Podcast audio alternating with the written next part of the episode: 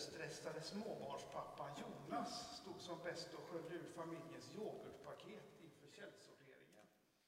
Det var kladdigt och eh, luktade surt och det kändes som att eh, det, det ett arbete som aldrig skulle ta slut.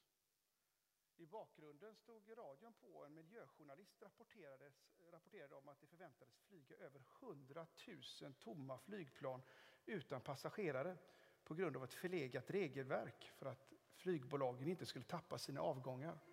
Utsläppen skulle motsvara vad 1,4 miljoner dieselbilar släpper ut under ett år. Jonas skakade på huvudet där han stod. Det är ju inte klokt, tänkte han. Flyga med 100 000 tomma plan och släppa ut sådana oerhörda mängder koldioxid. När han till slut hade sköljt ur det sista yoghurtpaketet avslutade han sitt verk med att skölja ur en burk fiskbullar i hummersås. Ehm, han var nästan klar när treåringen skrek högljutt i rummet intill. Och Jonas vinglade till i stressen och det bar sig inte bättre än att det sprutade upp överbliven fiskbullesås på hans enda rena tröja. Han hann knappt reagera förrän treåringen gallskrikande klamrade sig fast vid hans ben. Av doften att döma förstod Jonas att det var hög tid att byta blöja.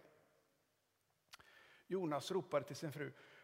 Malin, nu får du ta hand om lillen. Om inte jag blir av med de här förtjusande sorteringssoporna blir jag galen. En minut eh, senare slängde en svettig och hummersåsindränkt Jonas igen dörren efter sig. Han muttrar för sig själv hela vägen bort till sopstationen. Vad ska det vara bra för egentligen? Hålla på och söla och skölja och hålla på där i köket när flygindustrin ändå bara pajar miljön för några avgångsrättigheter. Men hur det än var så stod eh, Jonas ändå där plikttroget och eh, slängde i varenda liten sopa i rätt container. Plast för sig, papper för sig, metall för sig, färgat glas för sig och ofärgat glas för sig. Till slut var det bara en eh, burk eh, tacosås av okänt datum kvar. Jonas han fick av metalllocket och slängde in det i rätt behållare.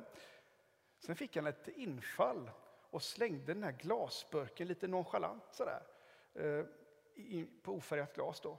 Men det bar sig inte bättre att han missade ju öppningen och burken studsade, eh, gick inte sönder, men landade istället upp och ner på hans nya, fina, dyra, vita sneakers. Alltså, brunröd tacosås vällde ut på skorna. Nu, nu tappade Jonas besinningen fullständigt. Alltså, ursinnig fick, fick han tag i den här glasburken och slängde den med all kraft över sopbehållaren och in i skogsdungen som gränsade till området. Nu hade han fått nog. Det här var ju meningslöst. Men knappt hade Jonas hunnit slänga ifrån sig glasburken för han, han ångrade sig. Vad hade han gjort? Han kunde inte slänga en glasburk in i skogen där barnen brukar leka. Nej, det gick inte. Han skyndade sig bort och försökte hitta den här burken. Först såg han den inte, men när han tittade närmare drog han efter andan. Var det där den hade hamnat? Han blev helt tagen av det han såg.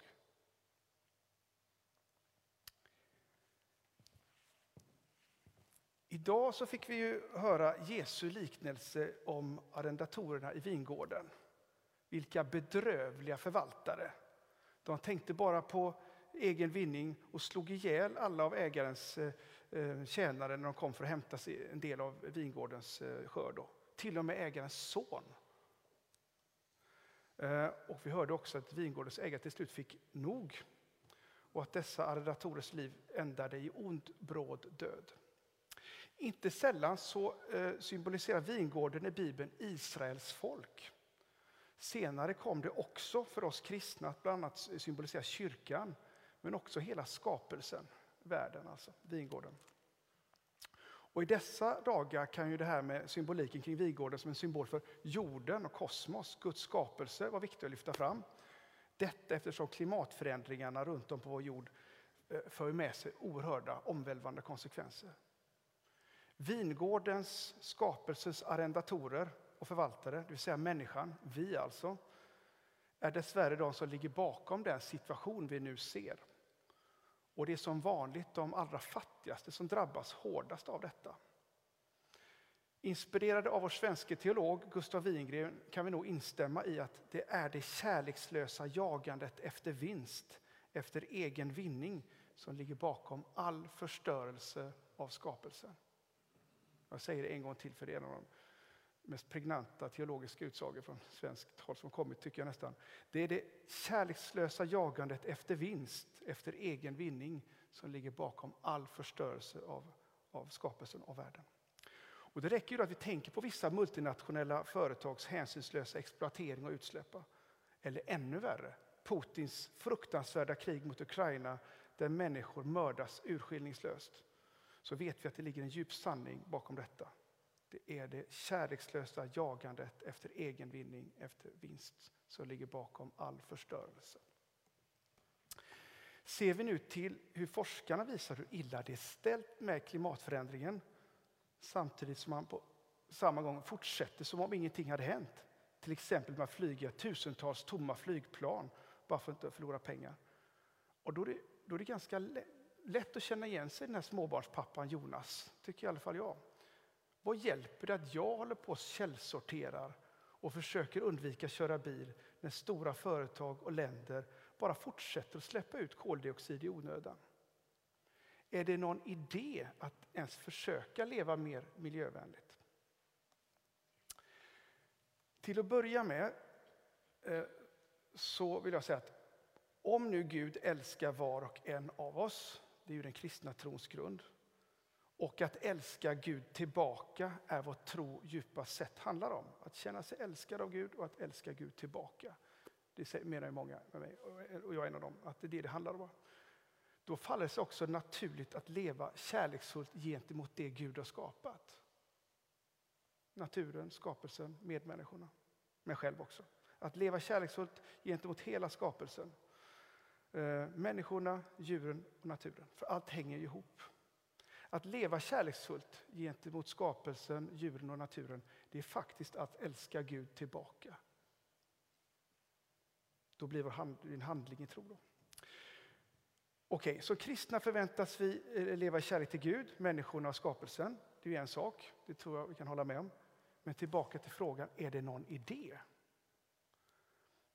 Om vi bara tittar på prognoserna kring klimatförändringarna så ser det från och till ganska mörkt ut.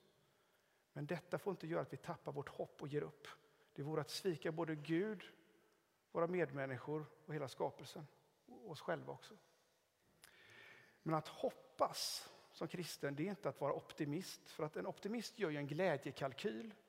Att hoppas i kristen mening är att inte kunna låta bli att tro att allt ska sluta väl fast det ser, ut, ser mörkt ut just nu. Att våga tro att Gud genom människor, också sådana som du och jag, faktiskt kan göra skillnad. Peter Halldorf han skriver i sin bok Därför sörjer jorden. Verkligt hopp, skriver han, skapar mod, kreativitet och handlingskraft. Det gör något, inte bara med våra tankar utan också med våra händer. Därför säger hoppet, det går att äta, odla, resa, värma, kyla, leva annorlunda. Det går att göra sig mindre, lite mindre mottaglig för den tanklösa konsumismens sirensång. Det kanske inte känns så, men varje litet beslut gör skillnad. Jag tror att det är sant. Varje litet beslut gör skillnad.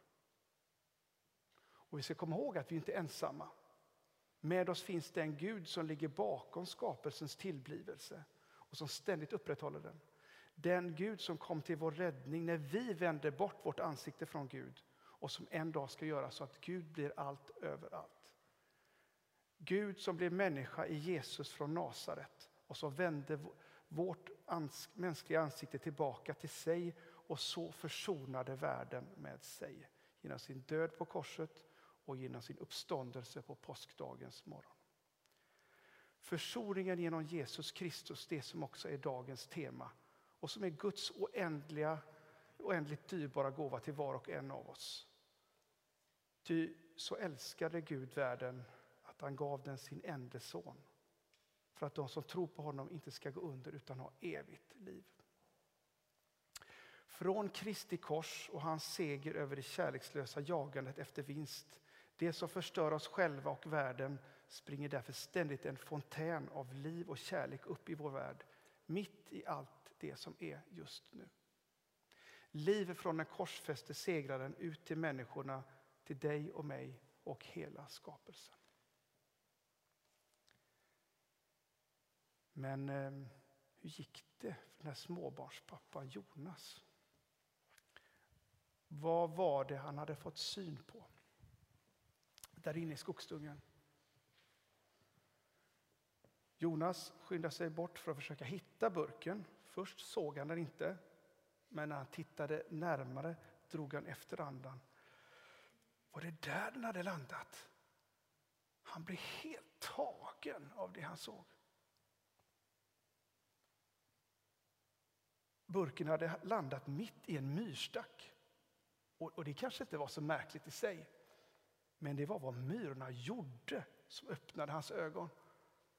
Trots att han hade orsakat en smärre katastrof så var det som om inget kunde hindra myrorna från att bära sitt strå till stacken. Plötsligt slog det honom att kanske var detta det enda sättet trots allt. Någon annan väg finns inte. Varje litet beslut gör faktiskt skillnad. Rätt fånigt att några myror i en myrstack fick mig att se detta, tänkte Jonas för sig själv. Eller kanske inte.